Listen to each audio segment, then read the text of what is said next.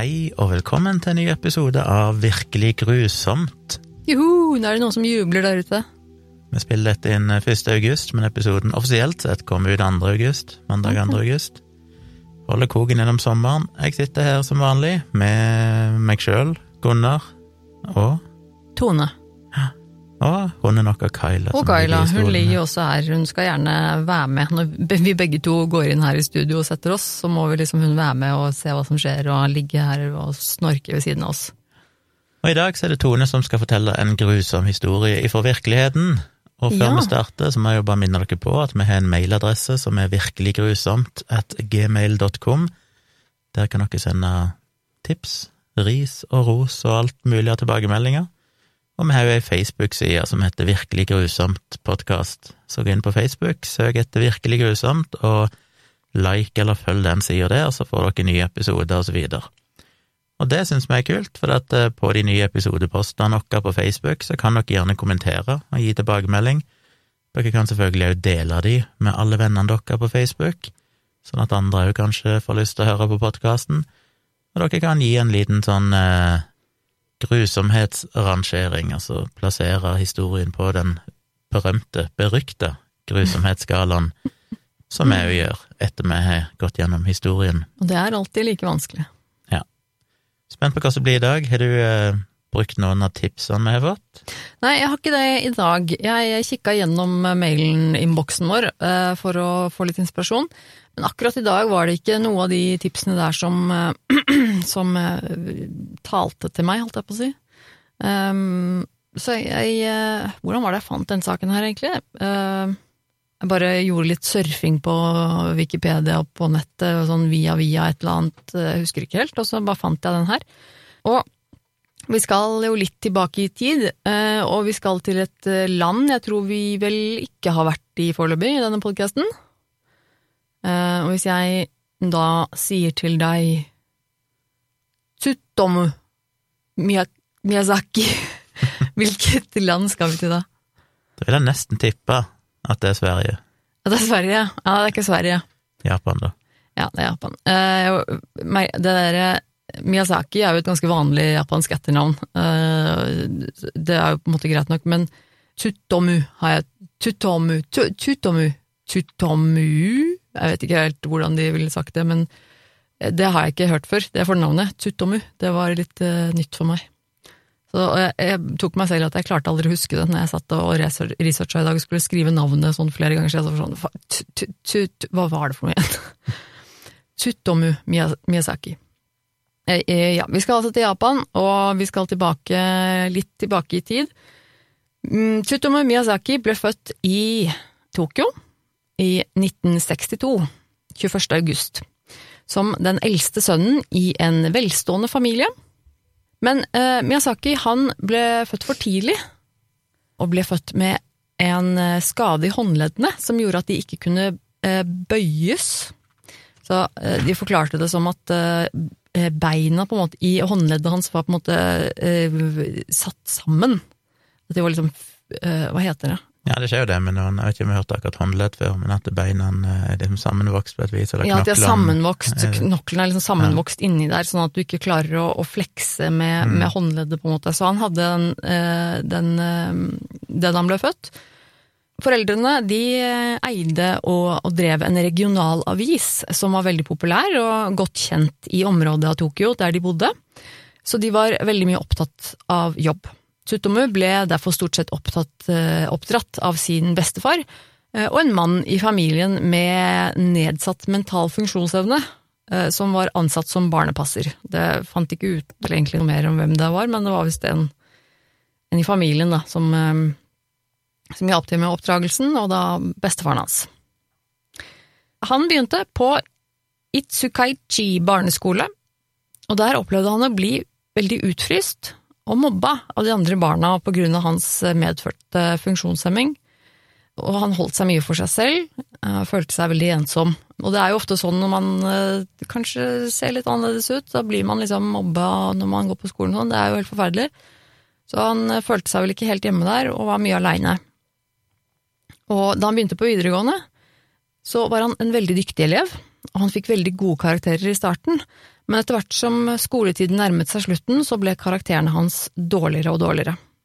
Og til slutt ble han rangert som nummer 40 av 56 elever på trinnet, og dermed fikk han ikke komme inn på Meiji-universitetet, som var assosiert med skolen han gikk på.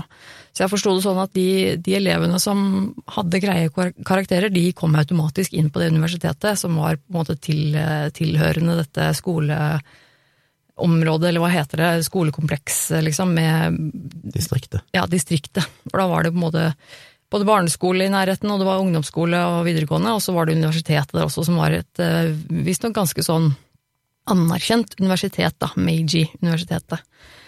Men han kom jo ikke da inn, for han eh, hadde det vanskelig på skolen, han hadde det vanskelig eh, hjemme. Følte seg litt ensom, har jeg inntrykk av, rett og slett. Istedenfor å studere engelsk, og da bli lærer, som var den opprinnelige planen hans, så valgte han å heller studere fotografiteknikk eh, ved en eh, folkehøyskole i nærheten. Jeg tror i hvert fall det blir tilsvarende folkehøyskole. Det ble beskrevet som, en, eh, som et junioruniversitet. Det blir vel et folkeuniversitet eller folkehøyskole i her tilsvarende, blir det ikke det, tror du? Jeg aner ikke. Nei, det er vanskelig å si, men i hvert fall så gikk han litt i, i den retningen isteden. Og eh, på midten av 80-tallet så eh, flyttet eh, Miyazaki tilbake i huset til foreldrene sine, hvor han delte rom med sin eldre søster. Og familiens avisbusiness, de gjorde det veldig bra, men han viste ingen interesse av å overta jobben etter faren hans, selv om faren selvfølgelig gjerne ville det, at Miyazaki skulle overta, altså. Men det hadde han ikke noe interesse for, dette var helt uinteressant for han, og var ganske kald overfor denne bedriften, og ja, det var ikke noe interesse for det. For han skal senere ha uttalt at hans eneste ønske var at noen skulle høre på han og lytte til problemene hans. Så det var helt tydelig at han følte seg ganske forbigått. Men han var også så sikker på at hans foreldre de var mer opptatt av det materielle enn det sentimentale, og de eh, ville ikke hørt på han og ville egentlig bare ignorert han. Så han følte seg jo eh, helt tydelig eh, ikke helt eh, ah, skal jeg si, innafor. Det kom tydelig fram at han hadde veldig problemer med å tilpasse seg både på skolen og familien, og, og søstrene hans eh, var ikke noe spesielt glad i han heller. I hvert fall så uttrykte de at de syntes han var kjip, og, og egentlig bare ignorerte han, og, og, og sånn. Han snakket også om at uh, denne perioden uh, i livet hans, så, han, så tenkte han mye på å ta livet av seg. Han var veldig deprimert. Og den eneste han følte at, uh, som brydde seg om han, det var bestefaren hans. Og de hadde nær kontakt. Denne bestefaren da, som var en av de få som, som var der under oppdragelsen hans. Så da, i mai 1988, da bestefaren hans døde, så sank Miyazaki bare lenger ned i den mørke depresjonen og han ble enda mer isolert enn tidligere.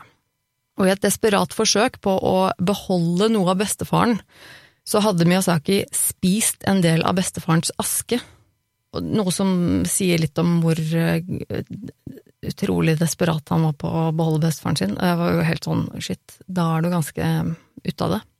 Ja, det er jo et, eh, et rødt flagg, et faresignal. Ja, vil jeg absolutt påstå. Jeg er spent på hvor det går videre hen.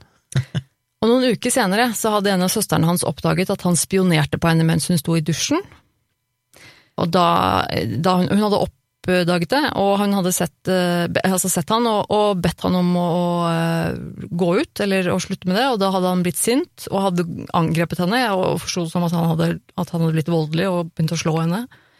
Og da moren fikk høre om den hendelsen, så hadde hun da forlangt av Miyazaki at han eh, måtte bruke mer tid på jobb, og mindre tid på videoer.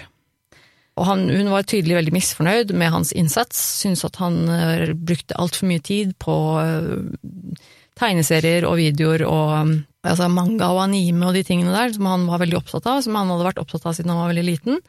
Som mange ville beskrevet senere, så var det mange som mente at, det, at han liksom sank litt inn i den manga-anime-kulturgreiene for for at han var så ensom, da. Det var det eneste stedet han på en måte fant noe tilhørighet, kan man si, eller at han ble veldig interessert i det, da. Det er ganske vanlig. Det, ja, absolutt. Eh, og brukte mye tid på, på videoer og, og, leste tegneserier og filmer og sånn. Og det likte jo da ikke mor. Foreldrene var tydeligvis ganske skuffa over innsatsen hans. De hadde jo, som ganske vanlig er i asiatiske kulturer sånn, så har de jo ganske høye krav og forventninger til eh, barna sine. Da hun hørte om dette her, så ble hun jo sint, eh, og da hadde han, Miyazaki, hadde altså angrepet moren sin også begynte å bli voldelig mot moren, og eh, hadde begynt å slå moren.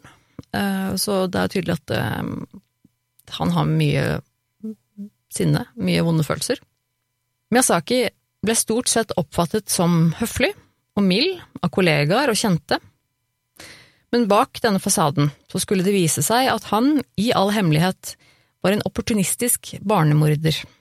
Han plukket ut tilfeldige ofre og sendte brev til familien deres hvor han fortalte om detaljer rundt de bestialske mordene på deres barn. Han hadde også plaget familiene med å ringe dem gjentatte ganger for å aldri si et ord da de tok telefonen, men bare puste tungt i den andre enden. Det eskalerte fort. Ja. Fra å være litt sånn creepy hjemme til plutselig tydeligvis er han barnemorder. Ja, i august 1988 dagen etter at Miyazaki har fylt 26 år, faktisk. Så leker den fire år gamle jenta Marie Konno hjemme hos en venn da hun plutselig hadde forsvunnet. Og etter mye leting så ble politiet kontaktet, og den lille jenta ble meldt savnet. Og det var Miyazaki, som hadde fått, tak på, som hadde fått fatt på Marie og, jobb, og lokket henne inn i bilen hans, og hadde kjørt henne ut til vestsiden av Tokyo, parkert under en bro i en skog, der hvor ingen kunne se dem.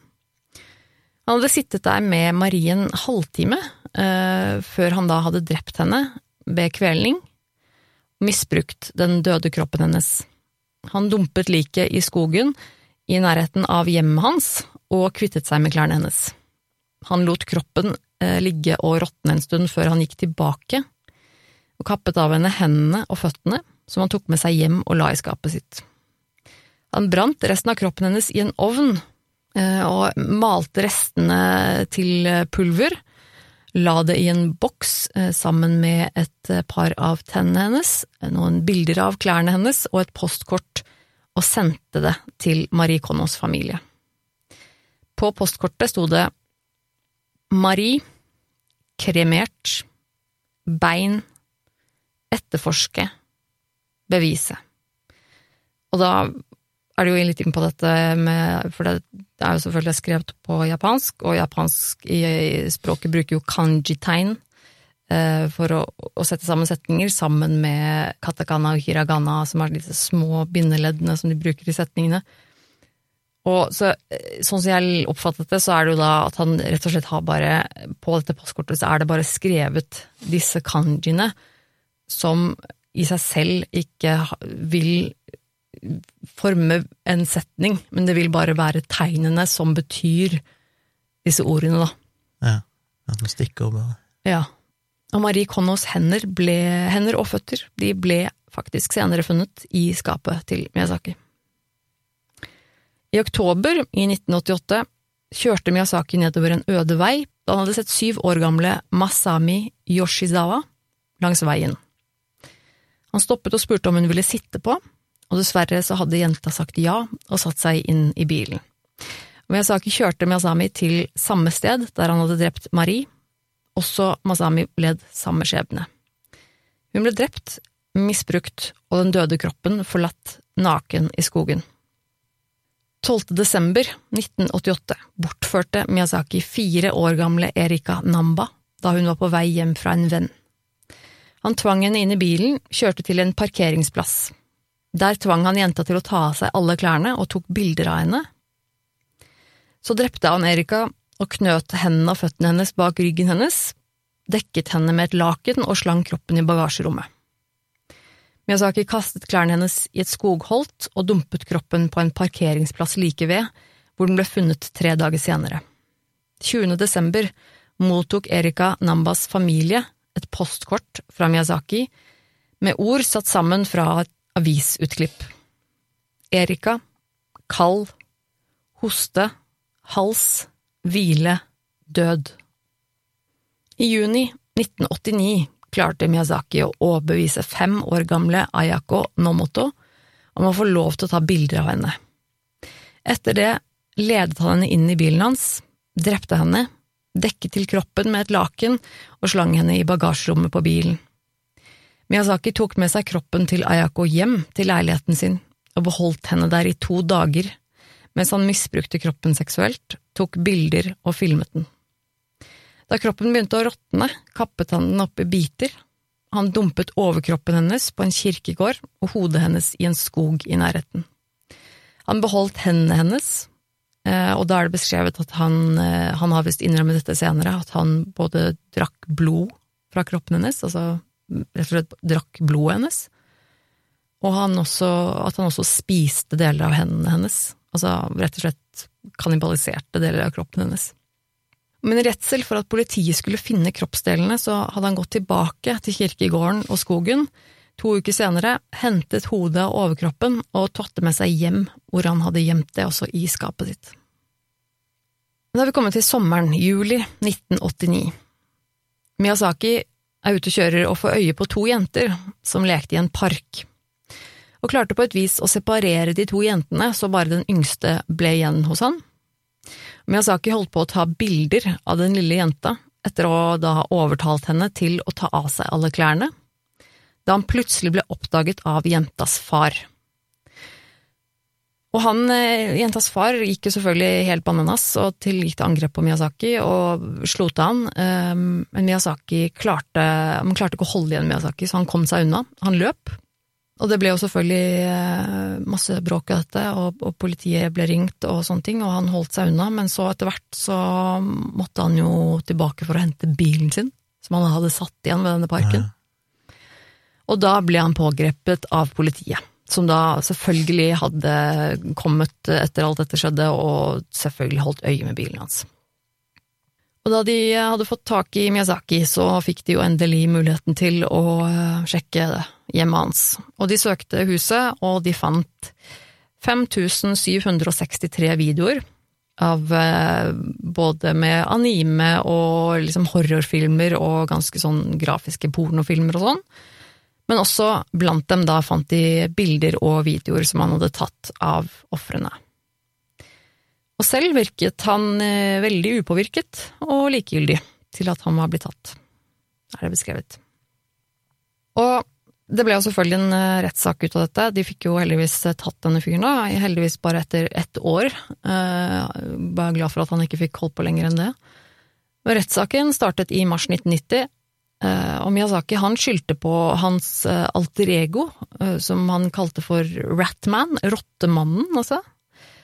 Eh, som skulle ha tvunget han til å utføre disse drapene. Mye av tiden hvor han satt i rettssaken, så satt han og tegnet denne rottemannen, da, i sånn eh, manga-stil, i sånn eh, tegneseriestil.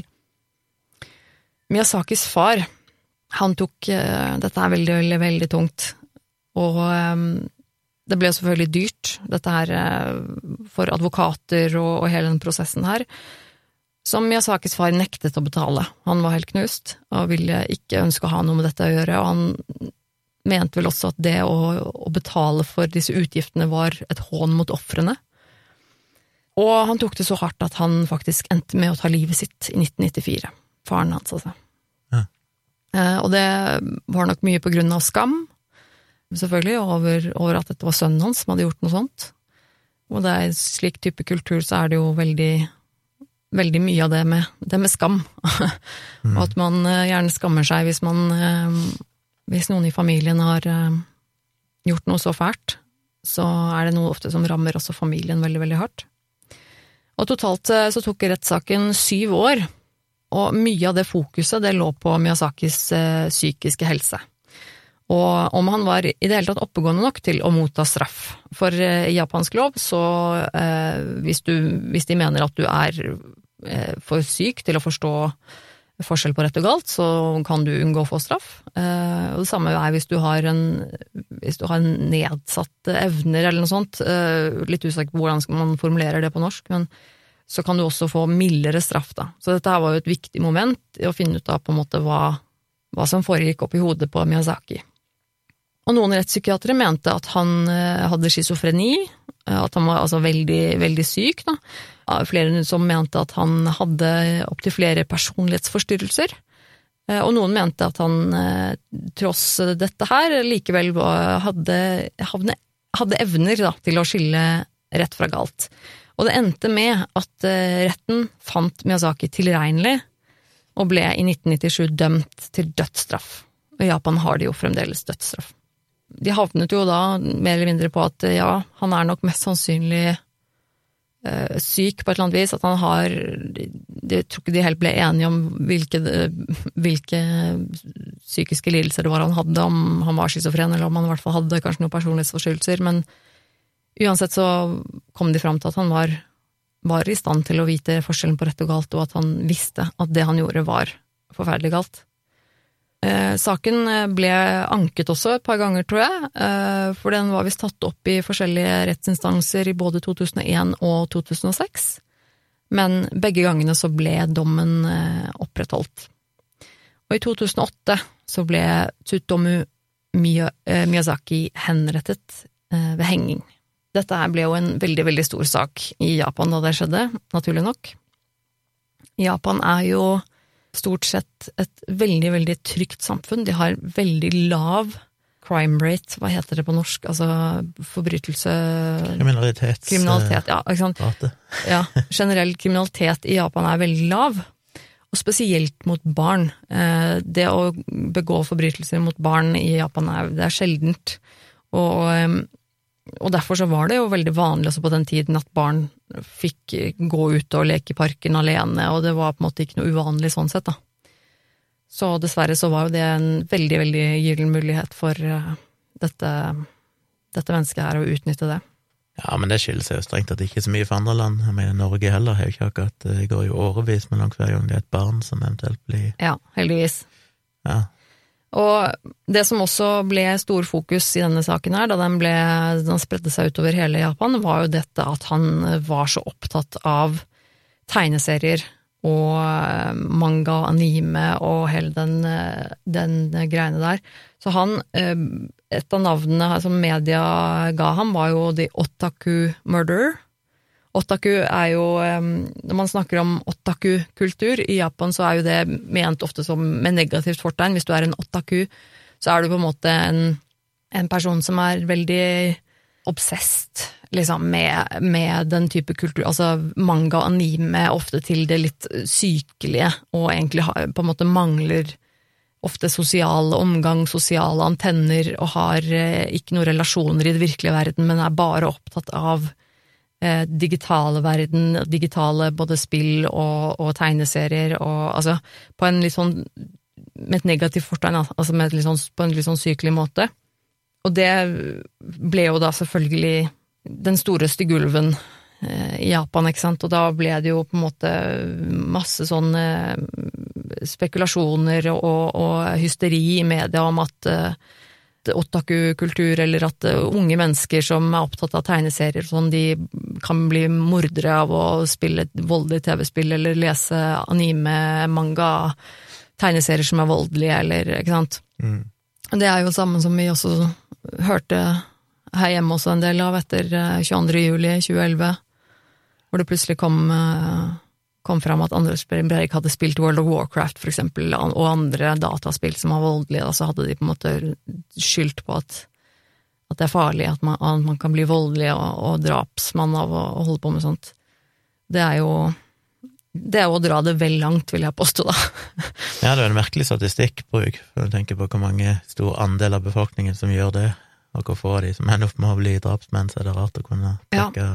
Og man liker jo å ha noe å skylde på, ikke sant. Så det er jo klart at, og det er jo ofte sånn også med, med den type otaku-kultur, kanskje mennesker som er misforstått. Det er jo ofte mennesker som eh, som, eh, som er litt utafor det sosiale i samfunnet. Og det er jo dessverre mange av dem i Japan også. Det er jo et veldig sånn karrierefokusert eh, land. Og hvis du ikke helt liksom passer inn i den konformiteten som er Så blir du på en måte veldig annerledes og veldig utafor. Så blir Men det det, høres jo ut som han, han ja, Uten at jeg vet noe om han, så hadde det ikke vært overraskende om han hadde en eh, autismediagnose. Nei, kanskje Det Det er en litt typisk ting der òg, at du blir ikke sant, ekstremt opptatt av én ting og ikke har noen sosiale relasjoner. og Mm. Men det jeg skulle si, da, som også dessverre er en, en greie i Japan, er jo det at eh, psykisk helse er ikke et fokus. Nei. De er eh, generelt ganske dårlige på å eh, gi folk hjelp for psykiske lidelser. Og det er ofte litt sånn ansett som litt ja, litt, sånn skammelig, på en måte. Det å, å være psykisk syk, da. Så, så det er ikke noe åpenhet på den måten rundt det. Så det gjør jo også at det er For mange kan være vanskelig å få hjelp. Og så er det jo det at eh, han er mann, da, og det er jo sånn i de fleste, fleste land her i verden at eh, menn ofte har en høyere terskel for å søke hjelp mot psykiske lidelser enn det kvinner har. Men i Japan så er det mange som sliter psykisk, som ikke får hjelp. Det er jo også et, eh, et stort problem der at det er høy selvmordsrate, og det er mange som har det vanskelig, og som havner utenfor den derre sosiale normen, som da på en måte det er, det, er sånn, det er litt sånn trist. Det er jo sånn, jeg er jo De som kjenner meg, vet jo at jeg er veldig veldig glad i Japan, og veldig opptatt av Japan. Men det er en av de tingene som jeg, som jeg virkelig ser på Japan som jeg syns på en måte er så innmari Det er eh, trist, da. Den derre eh, litt sånn gammeldagse holdningen og litt sånn eh, konservative, gammeldagse holdningen da, om at uh, psykiske sykdom er ikke, det er ikke en greie. Det er ikke noe man snakker om.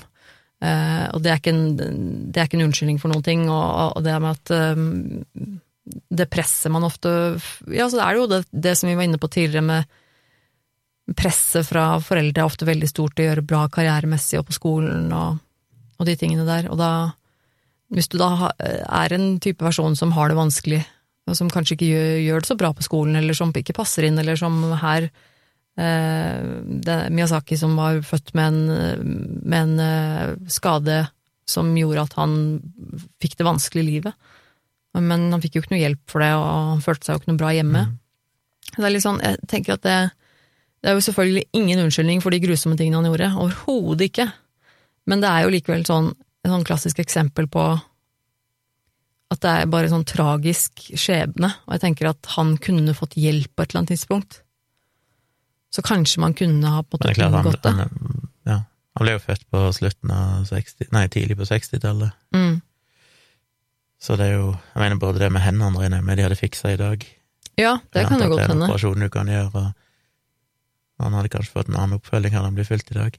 Men det er litt interessant det med overgrep mot barn og sånn. Jeg lurer på hva statistikkene egentlig er i Japan, hvor gode de er og sånn, for jeg mener Japan har jo vært kjent for å ha et stort problem med fetisjisering av unge jenter òg gjennom manga-kulturen, Mm. tegneserier og sånn.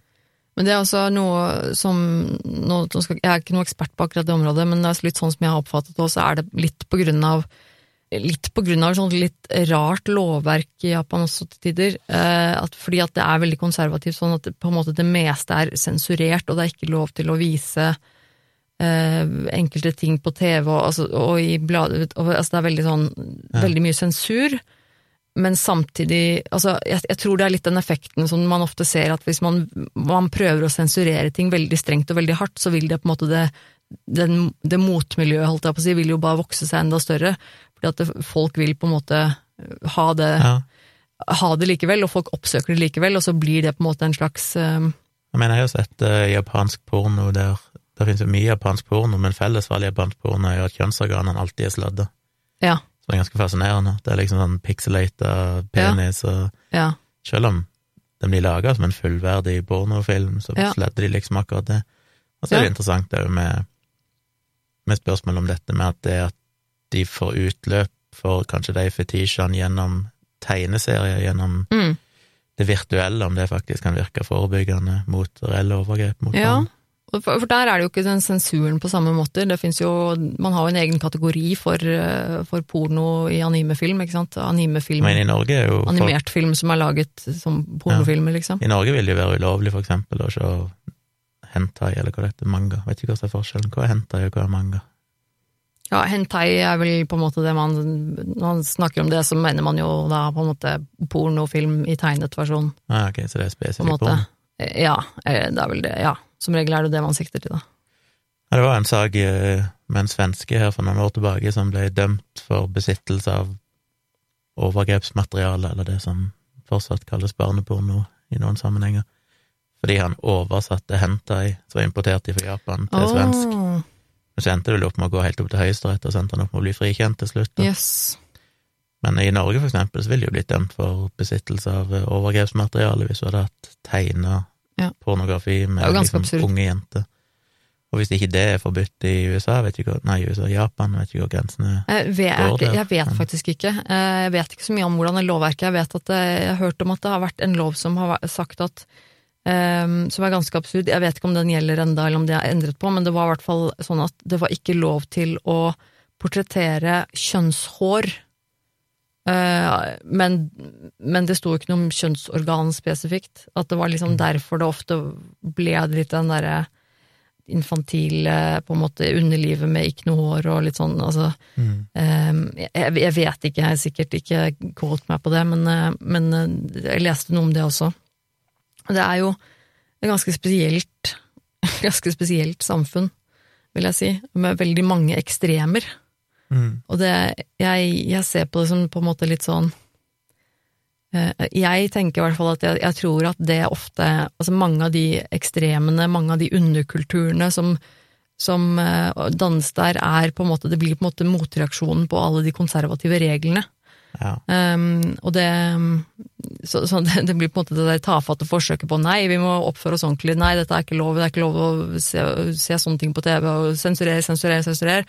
Og så ender jo ikke det opp med, som vi alle vet, det, det resulterer jo ikke at folk slutter å se på det. Det Det resulterer gjelder i ikke folk det at hele kulturen, men sånn i businesslivet òg, som jeg har fått inntrykk av, så er jo folk veldig formelle, alle går i dress, Veldig. og det er veldig Ja. sånn, mens på kveldene så går de ut og drikker seg kanon dritings på utestedet og oppfører seg som små drittunger, liksom.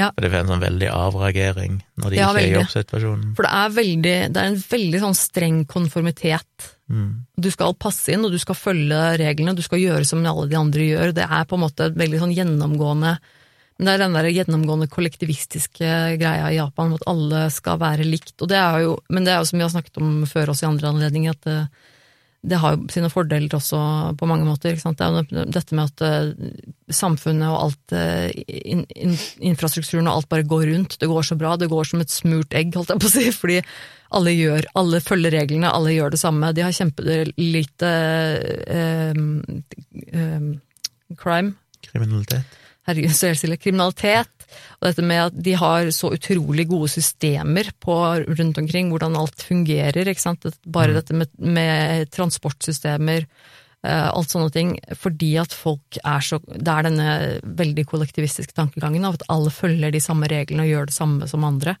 som selvfølgelig gjør at det funker kjempebra, men som da igjen da har den effekten med at det er vanskelig hvis du faktisk skiller deg litt ut. Eller det å skille seg ut, det blir på en måte sett litt ned på, og det er jo Det blir jo vanskelig, det òg. Ja, det er jo et evig dilemma, dette her med forskjellige samfunn. Det er jo, du kan jo lage et samfunn som nesten er uten kriminalitet, Mm. uten terror, uten sånne ting. Men det har jo en stor pris. Det betyr stort sett at du er mer strengt overvåka, det er mer konformitet, du er mindre frihet. Så spørsmålet er hvor mye risiko vil du ha for å ha mer frihet? De Altså, går alltid på det- bekostning av hverandre. Ja. Altså, jeg, jeg syns jo det er en eh, det- Denne historien her hadde ikke jeg hørt før, faktisk. Jeg, det kom helt tilfeldig over meg nå den jeg satt og researcha litt om, om eh, Det var interessant at de har dødsstraff ved henging fortsatt, som Ja. jeg syns er en god ting hvis du først skal ha dødsstraff. ja, Jeg er ikke sikker på om de har henging fortsatt. Det er jeg ikke helt sikker på, men jeg vet i hvert fall at de fortsatt har dødsstraff. Det vet jeg. Tydeligvis fram til 2008 iallfall, for da ble han Ja, eh, og, og de er veldig strenge i Japan. De gir veldig strenge straffer. De er, de er liksom kjent for å de, du, de, er ikke, de er ikke milde på straffene de gir folk. Så, Nei, Vi har jo snakka om det før, jeg er jo ikke for dødsstraff, men vi har jo snakka om det at skal du først ha dødsstraff, så er det jo idiotisk å gjøre det sånn som USA, som er liksom Ja. gift og når det liksom skal være så humant, og så er det bare det omvendte. tortur, basically, Ja. og det er jo bare designa for at de som pålegger dødsstraffen, skal slippe å tenke helt over hva som foregår. Nei, det er helt forferdelig. Da er det jo bare bare skyte noen i hodet, eller Ja, henge de, er eller giljotin, liksom, liksom, og faktisk. faktisk avlive folk fort, selv om ja. det høres mer grusomt ut for de overlevende. Ja, nei, så, og så er jo jeg selvfølgelig, jeg som er opptatt av eh, Japan og japansk kultur, så blir jo jeg litt opphengt i sånne ting som det. Og så en så sjelden ting som en, eh, japansk seriemorder. Det er jo ikke akkurat så mange av de, så da blir jeg litt Utrolig talentløs seriemorder, da, men det hadde jo vært interessant å se hvor mye han Altså, han virker jo ikke som han brydde seg, han var jo ganske kald og bare sånn Igjen, noe som kan lede tankene innom at han kunne hatt autisme. Han virker Mm. jo litt sånn Ja, at han ikke helt skjønte greia. Ikke at jeg prøver å si at folk som har autisme, er verken kalde eller følelsesløse eller ikke skjønner rett og galt, men sammen med alt det andre så virker det som en litt sånn fjern måte å forholde seg til det på. Ja, og du kan si at hvis, han, hvis det stemmer, da, at han kanskje var på det autismespekteret et sted, eh, og samtidig, mest sannsynlig, så hadde han jo da kanskje en eller flere personlighetsforstyrrelser, og, og i det hele tatt dette med at han, han manglet jo helt tydelig empati, og, og evnen til å på en måte skjønne, eh, sette seg inn i andre menneskers perspektiver. Og det, er- for det er jo som vi har snakket om eh, alltid når det er sånne ting i denne podkasten, at du skal du må på en måte være et spesielt type men tankesett, eh, følelsessett, for å kunne utføre sånne handlinger. Det er jo på en måte Det er jo ikke hvem som helst som klarer å gjøre det, ikke sant. Så det er jo Jeg, skulle gjerne også på en måte visst mer om han. Jeg kjenner at jeg blir litt nysgjerrig på en måte på, på For at det, er, det kommer fram på alt jeg leser om, om hans oppvekst, så, så eh, virker det som om han han er et sånn type eksempel som jeg har snakket om før, om at han på en måte har fått et, et dårlig utgangspunkt. At han, eh, han hadde det ikke bra. Han hadde det ikke bra på verken skolen eller hjemme, og det er jo ofte en sånn oppskrift i utgangspunktet for å få Ja, problemer senere, ikke sant? Han har følt seg utenfor og ikke følt noe kjærlighet og sånn fra familie, virker det som. Mm. Men det jeg er litt nysgjerrig på, det var motivet hans for å gjøre de tingene. For det, Ja. var det seksuelt drevet, eller var det på en måte bare en bieffekt av det? Eh, Det som er litt typisk med han som jeg har sett med andre seriemordere òg, det er dette her med at- det å ta livet av dem og beholde kroppsdeler, ja. at det er et sånt symbol på at han aldri har fått dame. Mm. Det er litt sånn incel-aktig. At han Ja. har problemer med å, å kommunisere med damer, og en måte å på en måte ta eierskap, eller fjerne alle de der sosiale sperrene, men allikevel kunne få det du vil, er jo å ta livet av dem.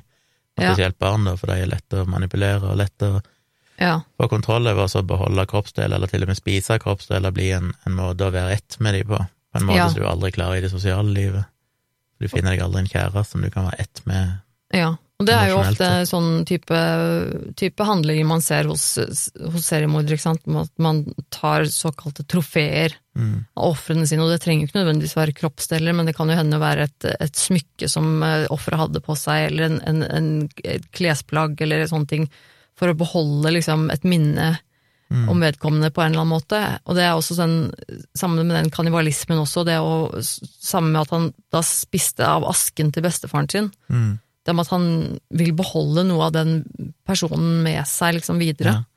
Um, så det tyder jo veldig på at han hadde et kjempe, kjempeproblem med å forholde seg til andre mennesker på en vanlig måte, liksom. Mm. Men det er jo tydelig at han hadde det vondt også. Det er på en måte, jeg, jeg tenker at i utgangspunktet så føler jeg liksom veldig med han, for at han, for at han ble han ble liksom satt helt utafor, og jeg kan tenke meg at i hvert fall i Japan, et sånn type sted, når du skiller deg ut, som sagt, så er det veldig vanskelig.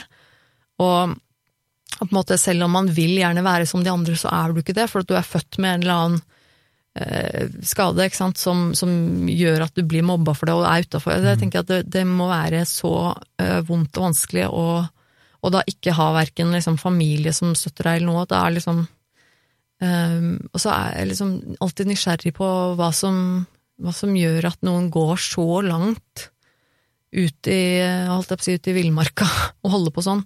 Altså, for én ting er jo på en måte å, å bli å få psykiske utfordringer senere i livet på grunn av at man har hatt en kjip oppvekst og sånn, men det betyr jo ikke likevel at man dreper folk, ikke sant. Så det er jo Nei, men jeg tolker det jo som at han ikke har utvikla evnen til å føle den form for empati, fordi at han Mm. aldri har følt det i sin oppvekst. Det er klart det er jo noe Ja. du må lære, det er ikke noe du bare har sånn genetisk sett, holdt jeg på å si. Ja. Og hvis du vokser opp uten å føle den omsorgen og sånn, så er det klart at han mangler vel den evnen til å forstå på en måte at det å ta et liv, det å kidnappe noen, mm.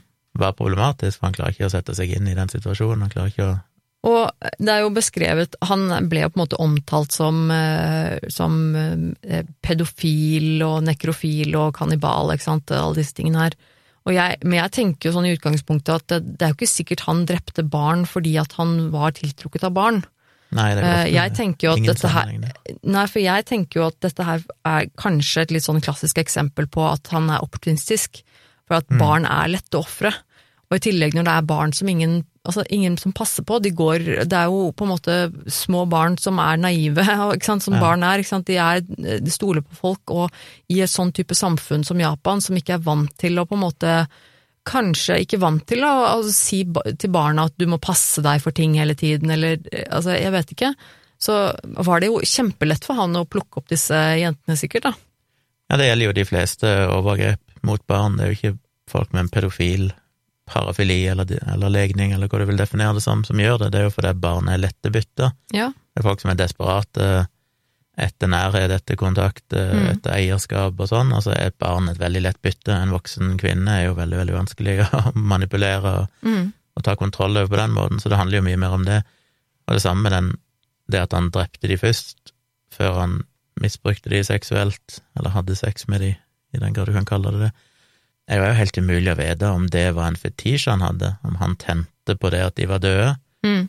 for det må det jo være hvis du skal være nekrofil, Mm. eller om det var bare det at det var den eneste måten han visste å oppleve en seksuell nærhet med et menneske på, det var at det var dødt, for da fjerner du alle sosiale sperrer. Ja, sosiale sperrer. Kanskje det var jo også hans hans eneste måte han, han på en måte øh, skjønte at det er, det er bare sånn man kan gjøre det, for ellers så må jeg deale med henne. på en Ja. måte. Altså, ellers så vil hun på en måte motsette seg, hun vil krangle, eller, og det er på en måte noe han ikke vil forholde seg til. Han vil ikke, ikke sant? At Det det, at da, på en måte, da blir det lettere for han, åpenbart, da, hvis han Ja. dreper henne først, for så å misbruke henne seksuelt, da, for å få den, den seksuelle tilfredsstillelsen. Og det går igjen i tidligere historier vi fortalte òg. Husker den der, de der to uh, Charles Ng og han Ja. andre duden som drev og kidnappa en dame og par og sånn. Mm. Og der han på det ene videoopptaket som ligger ute på internett, sitter og forteller om at han drømmer om å ha ei dame som han bare kan sperre i et fangehull, og så ta opp når han vil ha sex med henne, og så sperre hun ned etterpå. Mm. Som var mye av det samme, at han, han det var for vanskelig å forholde seg til damer med liksom flørting og sosial interaksjon og alt det, Ja. så du vil bare ha et bruksobjekt som kan tilfredsstille deg. Ja. Der òg endte de opp med å drepe de, og muligens misbruke de, jeg husker ikke helt etter de var drept, men jeg tror igjen ikke at det handler om nekrofili, det handler Nei. mer om en sånn makt, Og det- kontrollbehov. Ja, og det er sånn Det, det syns jeg er Altså, uan, u, uh, dette er jo på en måte fæle greier uansett hvordan, hva som er grunnen til at man gjør det, selvfølgelig, men jeg mener jo likevel at det er viktig å differensiere. Ja, For at det, og, det. er viktig, og at vi på en måte forstår hva som ligger bak handlingene til folk. Dette er jo Mm. noe du, både du og jeg er veldig opptatt av. Eh, men det å bare kalle noen for pedofil som, eh, som, som han, da, som har gått etter barn, det er ikke nødvendigvis riktig. Eh, Nei. det å kalle noen nekrofil bare fordi at han da hadde sex, eller utførte seksuelle handlinger mot et, en død kropp, det er ikke nødvendigvis nekrofili for det. Og det er litt sånn, akkurat de tingene syns jeg er liksom viktig at man prøver å forstå, men også utrolig fascinerende, jeg må jo si det. Ja, det er viktig Det er å forstå så- både for eh, gjerningspersonen sin del med tanke på straff og behandling og alt mulig sånn, men det er Ja. viktig til å, å forstå fordi at det finnes selvfølgelig mange pedofile som lever. Ja. Og hvis du begynner å koble ideen om det å være pedofil med at du samtidig er hensynsløs, narsissistisk, er villig til å ta liv fordi du må få utløp for den trangen din til å ha sex med et barn, Mm. Så blir jo det en helt feil forståelse av, av problemet, og da blir det jo umulig å både forebygge det og, Ja. og behandle det skikkelig. Så vi var vel innom det samme med han der ah, Hva det han heter, han uh, belgiske Han som gravde Ma- ned noen Mark Dutroux. Mark Dutroux, ja. Der han òg ble omtalt, og jeg òg, før jeg begynte å lese meg opp på det, alltid jeg trodde at han var pedofil, at det var liksom greia hans, at han Mm. kidnappa små jenter. og Men så viser det jo seinere at han sannsynligvis ikke var pedofil. Mm. Det at han endte opp med å filme seg sjøl ha sex med noen av de, det var jo kun for at han kunne tjene penger på det markedet, Mm. men han hadde jo egentlig ikke noe interesse av barn seksuelt ellers. Og sånt, Mm. det er viktig å skille mellom de Ja, det er veldig komplekst, altså. Det er liksom ofte ikke så enkelt som det kanskje virker. Og det er, eh, som du sa også, det er jo viktig å, å finne ut av disse tingene og skjønne det og forstå det for å kunne hjelpe folk. For jeg tenker jo også Ja. at vi alle i utgangspunktet, så tenker jeg at alle mennesker har, har rett på en eller annen hjelp. Og det er liksom på en måte ikke Det er jo samme som vi har snakket opp før også, eller det du nevnte med, med et, en person som er pedofil, da, eller som har for eksempel Som har da seksuell tiltrukning til barn. eh, som om vi da kaller det for pedofili, så er ikke det det samme som at vedkommende er en overgriper, ikke sant? Sånn Nei, at det, ikke minst med han her japanske fyren her. Jeg mener, la ikke si at noen hadde klart å gripe inn og forhindre dette. Ja. Det hadde du ikke klart hvis du behandla han for pedofili, Nei. eller pedofile lyster, hvis ikke det var det som gjorde at han faktisk misbrukte barn, Nei. endte opp med å drepe og misbruke barn, for sannsynligvis, uten at jeg selvfølgelig vet det. Men ut ifra det du har fortalt, så var det jo en del som tyder på at det handler mer kanskje om kontroll og makt og problemer med sosiale interaksjoner. Ja, Og, og da er det jo at den delen du må behandle, det er jo noe Ja. helt annet. Det trenger ikke være at han hadde en pedofil parafili Ja. som måtte behandles. Ja, og på Og Derfor er det jo så viktig så for å forebygge sånne ting. Ja, og det er liksom da på samme måte jeg tenker også at en person som har en seksuell tiltrekning mot barn, eh, er nok mest sannsynlig et person som ikke har det veldig bra, Mm. og som trenger hjelp, og som fortjener å få hjelp. Og, er, og, og det er på en måte øh, Hoppe til den konklusjonen om at vedkommende er en overgriper, det er ikke det, det er ikke riktig, på en måte. For det å gjøre handlingen om å forgripe seg på noen, det er noe annet enn å oppleve en tiltrekning. Eh, Det å på en måte ha noen lyster, det er ikke det samme som å gjøre et overgrep, liksom. Mm. Um, er, nei, er, jeg synes de tingene der er litt viktige, og jeg syns det er litt sånn interessant, den saken her òg, fordi at det liksom, jeg, jeg lurer sånn på Jeg skulle ønske jeg visste mer, liksom. Jeg skulle gjerne ha eh, snakka med han, holdt jeg på å si, intervjua han, bare Eller bare for at jeg lurer på en måte hva Ja, for det er så komplekst, da. For det kan, det kan være så mye som ligger bak. Og så er det litt Ja. med den eh, at han det er også med at han eh, skyldte på Skyldte på Hva var det han kalte det? Ratman, altså rottemannen, liksom. Eh, om det var et slags skalkeskjul, bare. At, han, at det, han sa det for å virke mer syk. Ja. eh, eller om han faktisk hadde slike hallusinasjoner og sånne ting også. Er Det ikke være sånn, det heller, det kan jo bare være at eh, du forstår hvor galt det er det som er skjedd, og så vil du disassosiere deg fra det, så du på en Ja. måte mentalt konstruerer en slags fiktiv karakter som du legger skylda på, at det er ikke egentlig deg, det er dine mørke sider. mm. Det kan jo bare være en sånn ting, det trenger ikke være en psykisk diagnose eller noen ting, det kan jo bare være Nei, jeg syns det er eh, Men det er også en sånn ting som. Ja. Men det også er en sånn ting som, eh, som vi på en måte ikke vet, og det eh, sy- Det er ikke så Akkurat den saken her, så er det ikke Jeg syns ikke det var så lett å finne noe mer info. Jeg fant Den meste av info så fant jeg på Wikipedia-siden om, eh, om eh, Tsutomu. Tsutomu Miyazaki. Der, står det der står det en god del, men det er, det er ikke så lett å finne litt sånn utfyllende detaljer om, om ting. Eh, og det kan hende at det er fordi Jeg vet ikke om eh, det kan, det kan nok godt hende at jeg hadde funnet mer hvis jeg kunne lese japansk, for eksempel. Ja. Eh, Men det, jeg vet ikke hvor kjent denne saken er i Europa eller på denne siden av verden, så det er kanskje ikke så mye info som er kommet eh, hit. Men eh, Nei, du legger vel ut noen linker i shownotes og på Facebook, jeg skal se om jeg finner noe flere enn den Fra eh, Wikipedia om ikke Wiki, ja, Wikipedia. Da kan folk se hva han heter, hvis det er andre som har noe informasjon, så kan dere jo poste det under Facebook-posten, eller sende det på mail til virkeliggrusomt.gmail.com. Mm. Jeg må vel eh, rangere det. Ja, det har vi glemt. Ikke bruke altfor lang tid på det, for vi holdt på lenge, men eh, en Det blir jo vanskeligere og vanskeligere, føler jeg, fordi det høres absurd ut å gi det en låg score når det er snakk om noen som liksom dreper små barn. Altså, det han gjorde med de, de, ungene her, var jo ganske grusomt. Da. Ja. Eh, Men samtidig så er det liksom konteksten at vi har hatt flere sånne historier der Mm. folk er drept opp til kanskje over 100 barn og sånn, så det er liksom Det blir litt sånn Ja. kvantum òg her. Og måten det blir gjort på, her var han vel i gåseøyne human i den forstand at han kvalte de. Men Ja, mange andre saker er... så er de jo blitt torturert lenge og holdt i fangenskap, og det er jo liksom verre igjen, så Ja. Så da, det blir fort at en havner på liksom midt på treet en plass, så jeg vil jo Han rakk jo heldigvis ikke å Hvor mange endte han opp med å drepe? Tre? Fem. Nei, fire. Fem? Fire? Ja, det er jo selvfølgelig en del. Jeg vet ikke. Um, må kanskje gi det en uh, sju? Ja. Jeg syns òg det også bare fordi at det, det er så Åh, det er så hjerteskjærende at de barna er så små og forsvarsløse, og det er så, Mm. det er så vondt, liksom, å, tenke på å behandle noen, og i hvert fall ikke et barn, liksom, på den måten. Så ja. Det er mitt beste forslag, og hvis dere har lyst til å rangere det sjøl, så skriv det under posten på Facebook. Yes, vi skal legge ut en, eh, en post på Facebook-siden vår som vi pleier å gjøre, med litt eh, bildereferanser og noen linker og sånn. Så Mm. sjekk gjerne ut den posten på Facebook, og eh, gjerne, som noen pleier å gjøre, skrive egen rangering og en liten kommentar til episoden om hva dere syns. Det er alltid gøy for oss å lese. Og da er vi ferdige. Så da er vi tilbake igjen om ei uke med en ny historie.